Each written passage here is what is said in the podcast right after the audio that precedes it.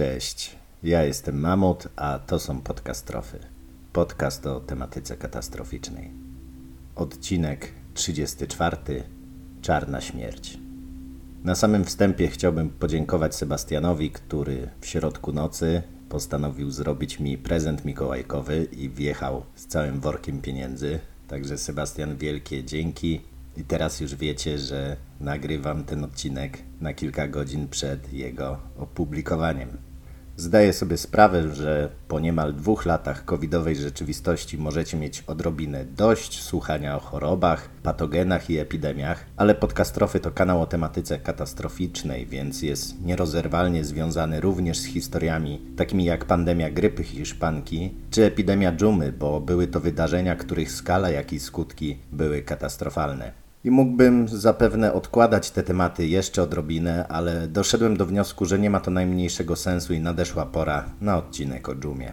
Na pewno nie da się mówić o patogenach nie wnikając chociaż odrobinę w mikrobiologię, żeby pokrótce opowiedzieć, czym ta dżuma właściwie jest. Nikogo nie zaskoczę mówiąc, że dżuma to choroba i na pewno część z Was wie również, że jest ona wywoływana przez pałeczkę dżumy zwaną Yersinia pestis. W zasadzie nazwa ta obowiązuje dopiero od 127 lat, kiedy to dwóch badaczy równolegle do siebie, Aleksandry Yersin oraz Shiba Saburo Kitasato, podczas epidemii dżumy w Hongkongu w 1894 roku odkryli patogen odpowiedzialny za wywoływanie choroby. Yersin był związany z paryskim Instytutem Pastera, gdzie na początku pracował nad antytoksyną mającą leczyć błonicę, by później wyjechać do Azji i tam otworzyć dwie filie Instytutu. Opracował też pierwszą metodę leczenia dżumy opartą na podawaniu chorym surowicy, czyli części osocza krwi pobranego od osób, które wyzdrowiały, więc w związku z tym miały limfocyty T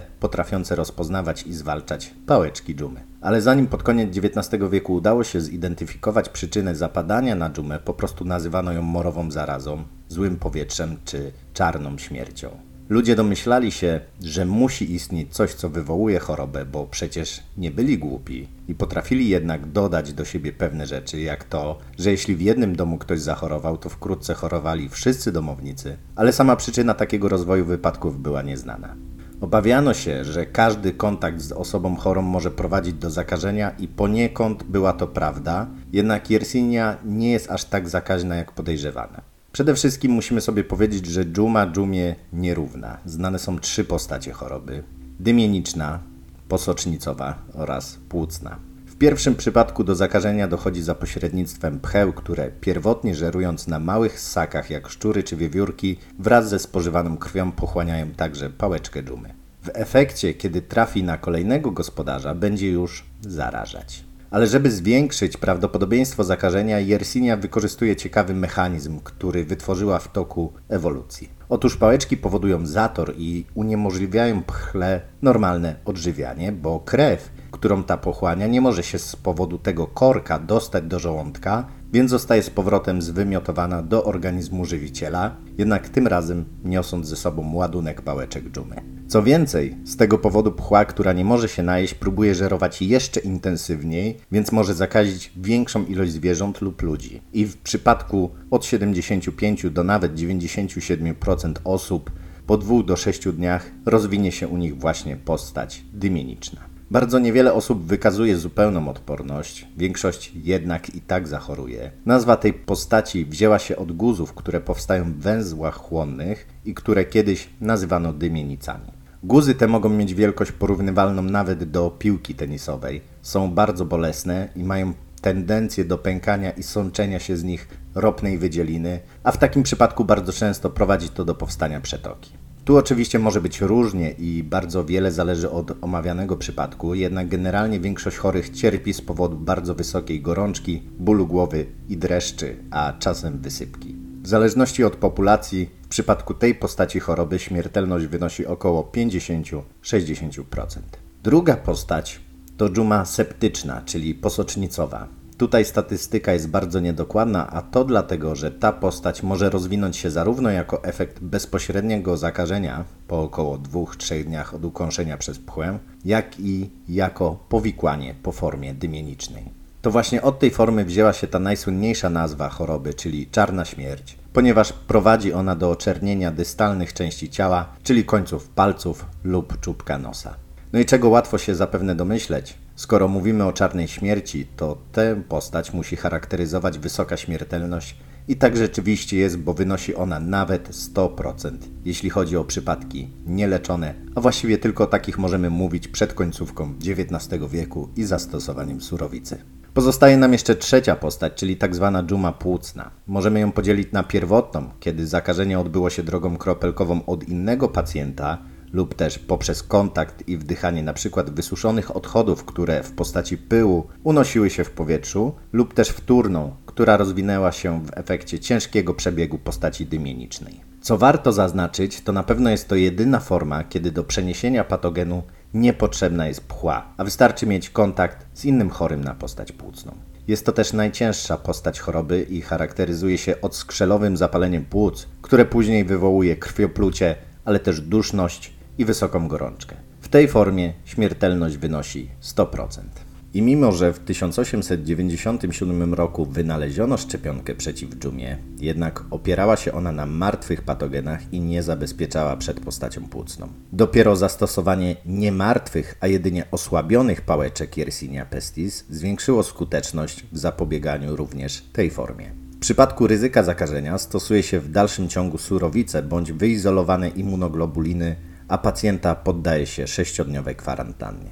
Dzisiaj szczepionka przeciw dżumie nie jest dostępna w naszym kraju, ponieważ nie uzyskała dopuszczenia w żadnym kraju europejskim ani w USA, ale nie jest też wymagana w przypadku podróży do jakiegokolwiek z krajów. A skoro już wspomniałem o kwarantannie, to warto o niej powiedzieć kilka słów. Dzisiaj oczywiście jest to słowo odmieniane przez wszystkie przypadki. Jednych dotyczy, innych nie dotyczy, jest krótsza lub dłuższa ale ja chcę się cofnąć do etymologii tego słowa i opowiedzieć o nim trochę w ujęciu historycznym. W takim razie skąd się wzięło słowo kwarantanna? Jest to oczywiście zapożyczenie, najprawdopodobniej z łaciny, kiedy terminem kwarantenna określano 40-dniowy okres izolacji osób, zwierząt czy nawet roślin i towarów, które są podejrzane o samą tylko możliwość roznoszenia chorób zakaźnych. Bo kwarantanna albo po włosku quaranta giorni dotyczy nie tych mających objawy choroby, tylko wszystkich i wszystko, co może tę chorobę przenosić i temat kwarantanny jeszcze nam tu pewnie wróci. Kiedy mówimy lub myślimy o czarnej śmierci, to oprócz tej konkretnej choroby, jaką jest dżuma, bardzo często myślimy też o pewnym okresie historycznym, czyli średniowieczu bo to właśnie wtedy doszło do chyba największej, a na pewno największej udokumentowanej epidemii tej choroby. Jednak mimo wszystko na temat tej epidemii nie wiemy wcale tak wiele, jakbyśmy chcieli wiedzieć.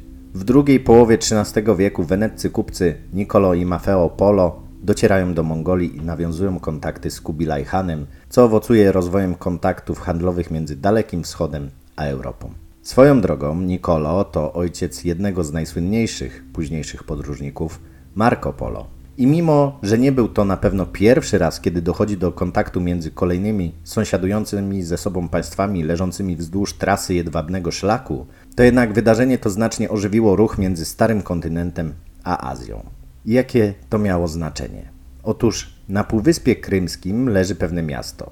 Dzisiaj nazywa się Teodozja, a w średniowieczu nosiło nazwę Kafa. W naszej historii ma ono swoje miejsce. Do 1266 roku rozwijało się jak wiele innych miast i miasteczek rejonu Morza Czarnego, nie odgrywając większej roli, za to korzystając z dość dogodnego portu oraz klimatu sprzyjającemu uprawie zbóż czy winorośli. Jego historia nie była szczególnie porywająca jak w większości greckich kolonii, które potem dostały się pod panowanie rzymskie, a następnie bizantyjskie. Ale w pewnym momencie miasto, jak i spora część Krymu trafia w ręce Genueńczyków, co jest o tyle ciekawe, że do Genui w linii prostej jest ponad 2000 km, a najkrótszą drogą morską robi się już niemal 3300 km. Ale Genua była wtedy potęgą, która swój dobrobyt budowała właśnie na handlu morskim. Teraz wszystkie drogi na wschód są już praktycznie otwarte, a Kafa stanowi dogodny punkt do prowadzenia handlu z Dalekim Wschodem z pominięciem niebezpiecznych terytoriów dzisiejszej Syrii Iraku i Iranu, gdzie rządzili Mamelucy, a sytuacja nie była bardzo stabilna. Jednak w 1346 roku, po 80 latach bardzo owocnej wymiany handlowej, kiedy miasto rozwijało się w imponującym tempie jak na standardy tamtych czasów, pod mury Kafy podchodzi armia Złotej Ordy dowodzona przez Hana Janybega, który prędzej już zresztą dwukrotnie próbował zdobyć miasto. I tym razem też mu nie szło. Prędzej nie był przygotowany do oblegania miasta, które miało europejskie, wysokie mury obronne oraz baszty i kamienne bramy. Tym jednak razem miał ze sobą machiny oblężnicze, które miały dokonać wyłomu w umocnieniach obrońców i pozwolić oblegającym na wdarcie się do środka. Bo to właściwie jedyna możliwość na zdobycie kafy przez Mongołów, ponieważ nie dysponowali oni flotą mogącą odciąć miasto od dostaw od strony morza, więc wzięcie go głodem wydawało się mało realne, a z kolei stosowana do tej pory taktyka szybkich wypadów nie sprawdziła się i obrońcy za każdym razem byli czujni i przygotowani. Bo nie oszukujmy się, ogromną zaletą mongolskiej armii była jej mobilność i taktyka ta sprawdzała się na stepach od setek lat i będzie skuteczna jeszcze przez bardzo długi czas, ale miało to swoje wady, bo szybko przemieszczająca się armia dość słabo nadaje się do oblężeń, bo nie ciągnie ze sobą niezbędnego sprzętu jak trebusze czy katapulty. Dlatego dwa razy Johnny Begowi nie udało się. Jednak teraz miał ze sobą niezbędny sprzęt, ale miał zupełnie inny problem. Jego ludzie chorowali i umierali, plując krwią. Czerniały im palce, a z guzów pod pachami i w pachwinach sączyła się ropa. Nie wiemy, co myślał Han Złotej Ordy. Nie wiemy też, kiedy zdał sobie sprawę, że po raz kolejny nie zdoła zdobyć miasta. Wiemy natomiast, że on lub ktoś z jego ludzi wpadł na pomysł, że ciała zmarłych należy przy użyciu katapult przerzucić do miasta. Nie było to w zasadzie nowatorskie rozwiązanie, tego typu broń biologiczną stosowano już prędzej, jednak tym razem patogenem, który użyto, oczywiście zupełnie nieświadomie, była pałeczka dżumy. Nie da się jednoznacznie określić skąd w mongolskiej armii wzięła się dżuma, jednak najprawdopodobniej została ona przywleczona z terenów dzisiejszej Mongolii lub Chin, gdzie występuje naturalnie u małych gryzoni, zwłaszcza, że w latach 1331-1353 Chiny pustoszyła choroba, której objawy zdecydowanie pasują do dżumy, chociaż część naukowców twierdzi, że mogła to być jakaś gorączka krwotoczna. Niemniej jednak bardzo możliwe, że pchły żerujące na gryzoniach, będących nosicielami Yersini, przeniosły się na innych żywicieli, jak na przykład na półdzikie psy, które kręciły się w pobliżu wędrujących armii, bo przy nich zawsze można znaleźć coś do jedzenia, a z psów już tylko krok, czy też może niewielki skok dzielił te pchły od człowieka. Tego już niestety nie ustalimy. Nie było wtedy dochodzeń epidemicznych i nikt nie był w stanie cofnąć się po nitce do kłębka, czyli do miejsca, gdzie wszystko się zaczęło. Znamy więc historię dopiero od momentu, kiedy mongolska armia przerzuca ciała swoich zmarłych przez mury oblężonej kafy. Może gdyby nie było to miasto portowe, a może gdyby odcięte było też od strony morza, nasza historia potoczyłaby się inaczej. Jednak stało się jak się stało i kiedy mieszkańcy zauważyli, że przed ich domami na dachach, w okolicach ujęć wody i właściwie w całym mieście spadają ciała, na których widoczne były owrzodzenia i wysypka, a palce rąk i nóg, a nawet nosy były poczerniałe, bardzo szybko zrozumieli, co się dzieje i że oblegająca armia planuje przenieść zarazę również na tą stronę murów. XIV wieku znano niewiele sposobów na uchronienie się przed niebezpiecznymi patogenami. Przede wszystkim, nie mając pojęcia, co może wywoływać choroby, ciężko było się przed nimi zabezpieczyć, więc jedynym, jakby się wydawało, rozsądnym wyjściem była ucieczka jak najdalej od miejsca, gdzie ludzie zaczęli chorować. Dzisiaj jest to dość proste, ponieważ pałeczka dżumy nie jest szczególnie odpornym patogenem i właściwie mogą ją zniszczyć podstawowe środki dezynfekcyjne, a sama w sobie nie jest w stanie wolnym przetrwać więcej niż 6 miesięcy zimą, a przy wyższych letnich temperaturach raptem 30 dni, ponieważ w przeciwieństwie do np. wąglika nie przyjmuje formy przetrwalnikowej. Dzięki temu łatwo jest ograniczyć jej występowanie poprzez stosowanie środków przeciwpchelnych u zwierząt, czy też masową deratyzację.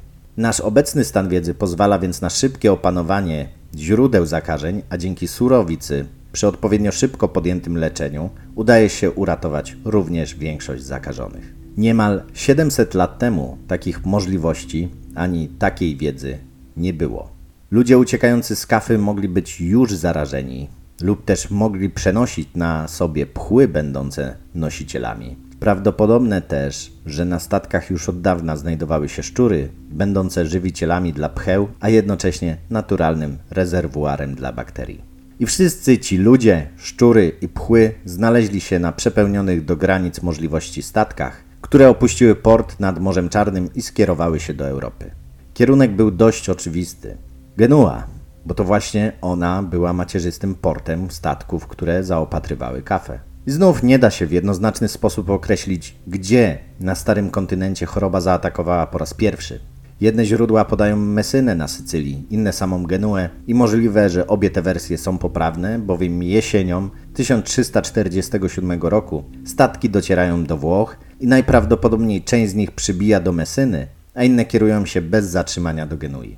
W tym czasie epidemia na Cyprze już się rozkręcała, więc możemy przyjąć, i to z dużą dozą prawdopodobieństwa, że część statków zatrzymała się tam po drodze, może w celu uzupełnienia zapasów lub też pozostawienia części ludzi, co jest w sumie bez znaczenia, natomiast pewne jest, że zostawiły na wyspie coś jeszcze, co szybko zaczęło dziesiątkować jej mieszkańców.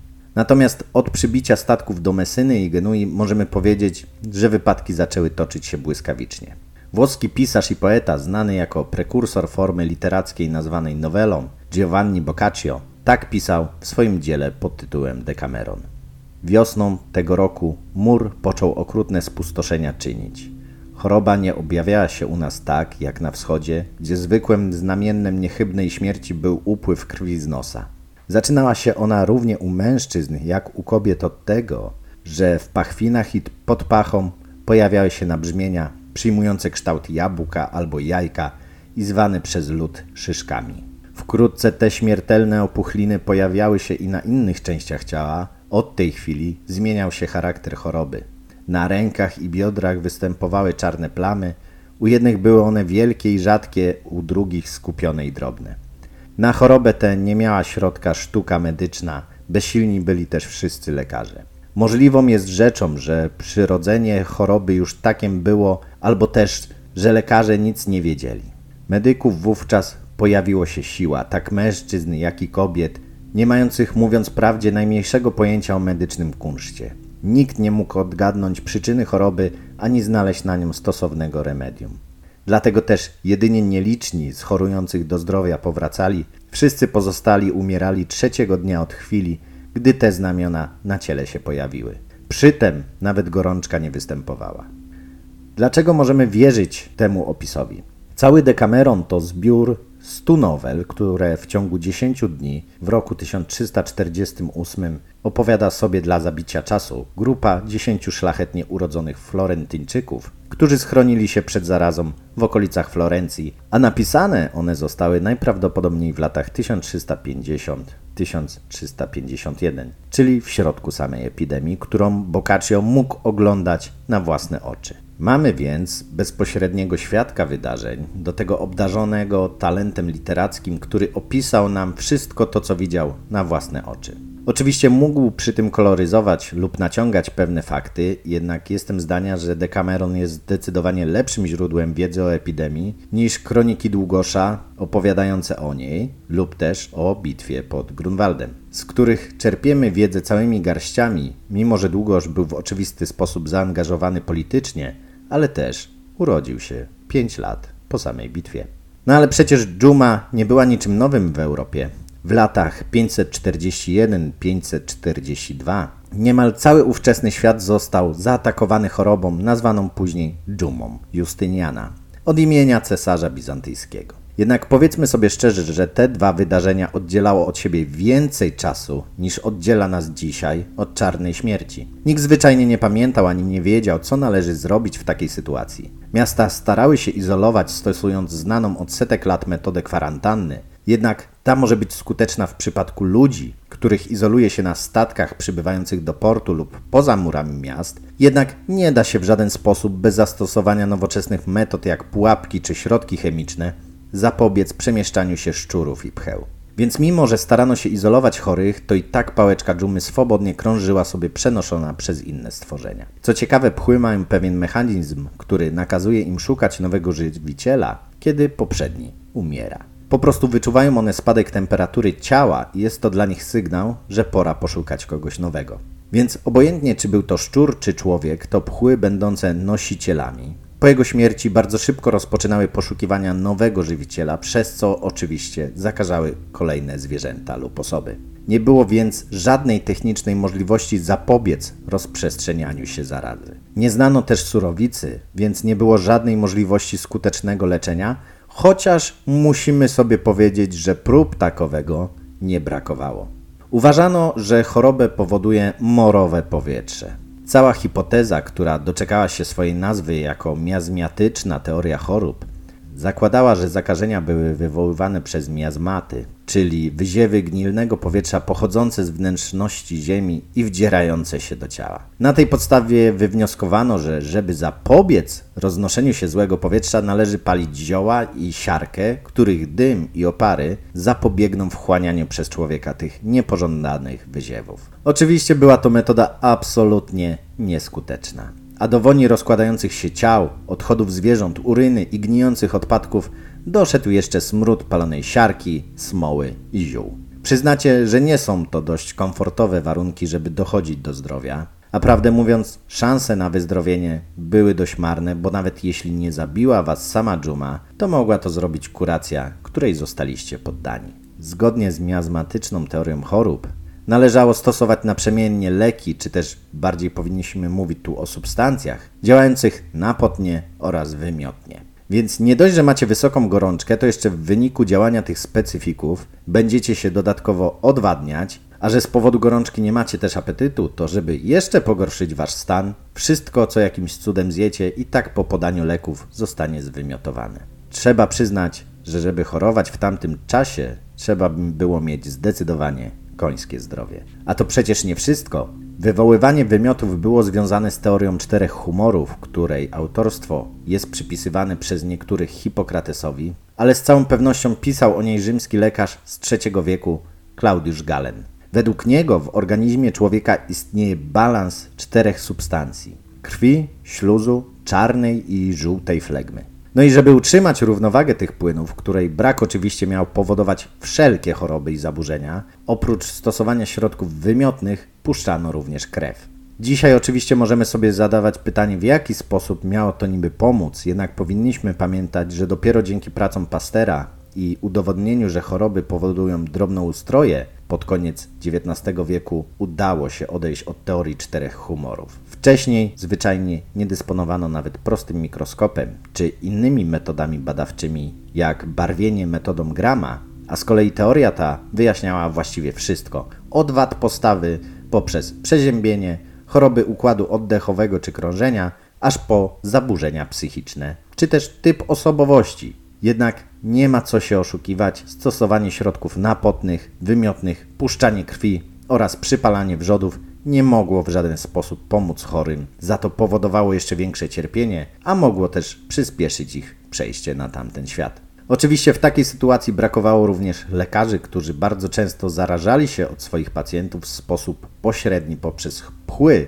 jak i bezpośredni od osób, u których rozwinęła się postać płucna dżumy. Próbowali się zabezpieczyć przed zakażeniem stosując prymitywne stroje ochronne oraz maski, które może w pewien sposób chociaż minimalnie mogły chronić przed bakteriami, ale chyba ważniejsze, że izolowały od wszechobecnego smrodu ropy, odchodów i gnijących ciał. W kulturze do dzisiaj zachował się obraz doktora Plagi i jego ptasiej maski, która zakrywała całą twarz, a jej wydłużony nos w kształcie dzioba pozwalał na umieszczenie w środku pachnących ziół, które chociaż odrobinę poprawiały komfort pracy. Jednak nie wszystkie metody walki z epidemią były tak nieskuteczne jak sposoby leczenia samej choroby. Dzisiaj wiemy dobrze, że pałeczki Yersinia pestis są wrażliwe na działanie środków dezynfekujących, w tym oczywiście alkoholu. W XIV wieku, podobnie zresztą jak wcześniej i później, fascynację budziły wszelkie wywary i mikstury. Jedną z nich, która być może okazała się pomocna w zwalczaniu rozprzestrzeniania się choroby, był tzw. Tak ocet siedmiu złodziei. Sama nazwa pochodzi najprawdopodobniej z późniejszego okresu, jednak wiemy, że przeciw morowemu powietrzu ocet z dodatkami pachnących ziół, przypraw i olejków zalecany był już przez XI-wiecznego lekarza arabskiego Abu Ali Husajna ibn Abdullaha ibn Ensina, zwanego w Europie jako Avicena. Skład tej mikstury był bardzo zmienny, ale co ważniejsze, opierał się głównie na occie, który zawierał zarówno alkohol, jak i kwas octowy, czyli dwa środki antyseptyczne, działające zabójczo na bakterie, bo na przykład 6% kwas octowy jest w stanie zabić prątki gruźlicy, czyli jedne z bardziej odpornych bakterii. Co więcej, ocet jabłkowy, mięta pieprzowa, sok z cytryny czy tymianek działają odstraszająco na pchły. Niektórzy medycy tamtego okresu wykorzystywali te środki podobnie jak ich dzisiejsi odpowiednicy w szpitalach wykorzystują alkohol i środki na jego bazie, zwyczajnie przecierając nimi ręce po każdej wizycie u pacjenta. Dzisiaj wydaje nam się to dość oczywiste, jednak niemal 700 lat temu było to zachowanie dość nowatorskie. Nie wiadomo dokładnie, czy lekarze podpatrzyli je u kopaczy grobów, czy było wręcz odwrotnie i to ci drudzy zapożyczyli to od medyków. Istnieją też plotki, że była to metoda stosowana przez złodziei, którzy okradając domy osób chorych i zmarłych, bali się zakażenia i w ten sposób próbowali uchronić się przed chorobą. Jakkolwiek by nie było, dzisiaj możemy mówić, że był to zdecydowanie dobry kierunek. Podobnie było też w innym przypadku. Chodzi mianowicie o izolację. Władze Mediolanu nakazywały zwyczajnie zamurowywać okna i drzwi w domach, w których stwierdzono przypadki dżumy. Jednak metoda ta wymagała często trudnych decyzji. Zwykle w sytuacji, kiedy zachorował jeden z domowników, wkrótce pozostali mieszkańcy również wykazywali objawy. A zamurowanie wszystkich wejść skazywało praktycznie wszystkich mieszkańców na śmierć. I nic dziwnego, że raczej nie było wielu chętnych, żeby podjąć decyzję o takiej izolacji, a potem ją wykonać zwłaszcza kiedy trzeba było działać szybko i odcinać kolejne ogniska, zanim choroba się rozniesie. Przyniosło to oczywiście pewien skutek i podczas pierwszej fali epidemii w Mediolanie zmarło zaledwie 10% populacji. Natomiast kiedy po 1370 roku choroba atakowała ponownie, te działania okazały się już nieskuteczne. Próbowano też innych metod, jednak praktycznie wszystkie one okazywały się nieskuteczne. Zacytujmy sobie jeszcze raz Boccaccia. Inni wreszcie, najbardziej nieużyci i bezlitośni, twierdzili, że najlepszym środkiem na zarazę jest ucieczka od niej. Myśląc tylko o sobie, siła mężczyzn i kobiet opuściło miasto, domy, majątności, krewniaków i przeniosło się do posiadłości swoich za bramami grodu leżących, albo też u ludzi obcych schronu szukało. Ludzie szukali różnych metod ucieczki przed zarazą. Wielu z nich opuściło miasta w poszukiwaniu bezpieczniejszego schronienia, najczęściej zabierając ze sobą pasażerów na gapę w postaci bakterii i pcheł. Wkrótce epidemia objęła całe Włochy, by w następnym roku przekroczyć Alpy, dotrzeć na Półwysep Iberyjski, do Francji, Niemiec, Danii, na Niderlandy. Trwała wtedy wojna stuletnia, więc wraz z angielskimi wojskami zaopatrywanymi z wysp przez kanał La Manche dotarła również do Anglii.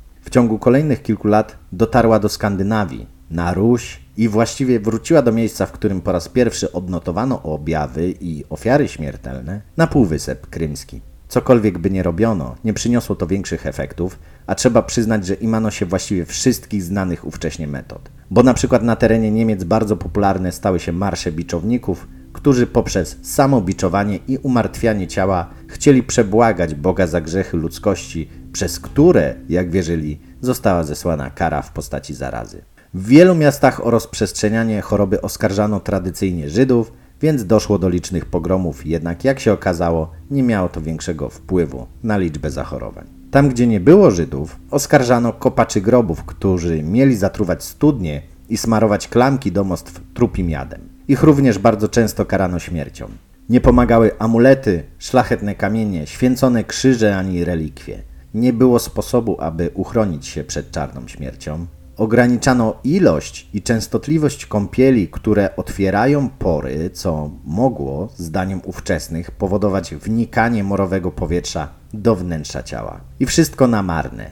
Nie jesteśmy w stanie dokładnie ustalić, jak wiele osób zmarło podczas epidemii dżumy. Nie da się nawet dokładnie określić zasięgu jej występowania, a nawet dokładnych ram czasowych, ponieważ w niektórych miejscach fala zgonów przetoczyła się w ciągu zaledwie 5 lat, dwukrotnie lub więcej. A potem powracała w zależności od regionu co 5, 10, a nawet 20 lat. Szacunki papieża Klemensa dotyczyły jedynie Europejczyków i pomijały zupełnie mieszkańców Bliskiego Wschodu i mówiły o 28 milionach 840 tysiącach zmarłych. Dzisiaj uważa się, że może to być poważne niedoszacowanie i w samej Europie mogło umrzeć nawet 50 milionów ludzi, co stanowiłoby praktycznie 2 trzecie ówczesnej populacji. Po tym wszystkim wiele krajów potrzebowało dziesiątek, a nawet ponad setki lat, żeby znów się odrodzić, bo produkcja rolna znacząco spadła. Wiele obszarów zarosło lasem i w wielu krajach Europy lesistość wzrosła nawet o jedną trzecią. A dżuma nie zniknęła. Od tego czasu praktycznie towarzyszyła nam non-stop, co jakiś czas przypominając o sobie mniejszymi epidemiami. Nawet po odkryciach Pastera, Yersina i wielu innych, po rozpoczęciu ery antyseptyków, pułapek na szczury czy środków na pchły, wciąż towarzyszyła i towarzyszy ludzkości. Nie są to już oczywiście wydarzenia na skalę tych, jakie miały miejsce w XIV wieku, jednak w ciągu pierwszych 25 lat XX wieku w samej Australii zmarło ponad tysiąc osób. Nawet dzisiaj pojawiają się pojedyncze ogniska dżumy. Każdego roku w Stanach Zjednoczonych zapada na nią około 15 osób, a na całym globie jest to niemal 2000 osób rocznie, z czego nawet 15% z nich umiera. Kiedy więc zatem miała miejsce ostatnia znacząca epidemia dżumy? Cztery lata temu, na Madagaskarze, kiedy w półtora miesiąca zmarło 195 osób, a potwierdzonych przypadków było prawie 3000. Zauważyliście zapewne, że nie wspomniałem podczas tej opowieści ani razu o Polsce. Nie zrobiłem tego z jednego powodu. Historycy wciąż się spierają, jak tak naprawdę wyglądał przebieg epidemii na obszarze Królestwa Polskiego. Wiemy na pewno, że między bajki można włożyć krążącą po internecie mapę, gdzie część Polski, Śląska i Czech jawi się jako zielony obszar wolny od zarazy. Jednak wciąż brak jest dokładnych opracowań, które by mówiły o tym, czy zaraza dotarła tam już w roku 1349, czy może dopiero 2-3 lata później i jak śmiertelne żniwo ona zebrała.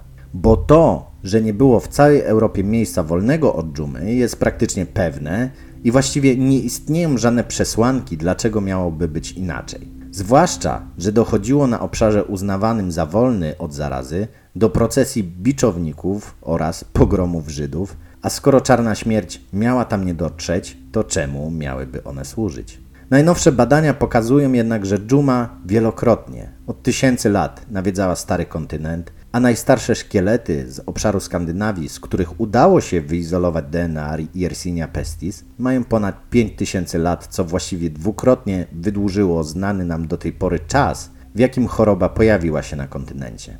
Nie sposób zliczyć wszystkich epidemii dżumy, ani kolejnych fal. Ostrożne szacunki mówią, że od początku istnienia gatunku ludzkiego mogła spowodować śmierć 200 milionów ludzi. To tak jakby dzisiaj zmarli wszyscy mieszkańcy Polski, Czech, Niemiec i Francji. Razem.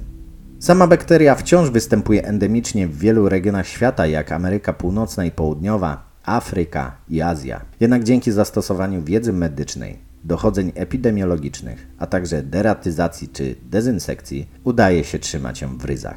Mimo wysokiej śmiertelności oraz zaklasyfikowaniu jej jako potencjalna broń biologiczna najwyższej kategorii, dżuma nie ma dzisiaj raczej potencjału pandemicznego, ponieważ jest nam bardzo dobrze znana i nie przenosi się wcale tak łatwo, jeśli nie jest to postać płucna. A zakażeni bardzo szybko wykazują charakterystyczne objawy, przy czym ich szybko pogarszający się stan praktycznie uniemożliwia im dalsze rozprzestrzenianie zarazy, a w dzisiejszych czasach przenoszenie jej przez pchły na kolejne osoby jest raczej mało prawdopodobne. Na koniec zapraszam Was oczywiście na stronę Podcastrow na Instagramie i Facebooku, gdzie na pewno znajdziecie jakieś ciekawostki dotyczące kolejnych odcinków. A jeśli macie ochotę wesprzeć mój kanał, to oczywiście znajdziecie mnie na patronite.pl ukośnik mamut. To tyle jeśli chodzi o tę katastrofalną epidemię. Do usłyszenia.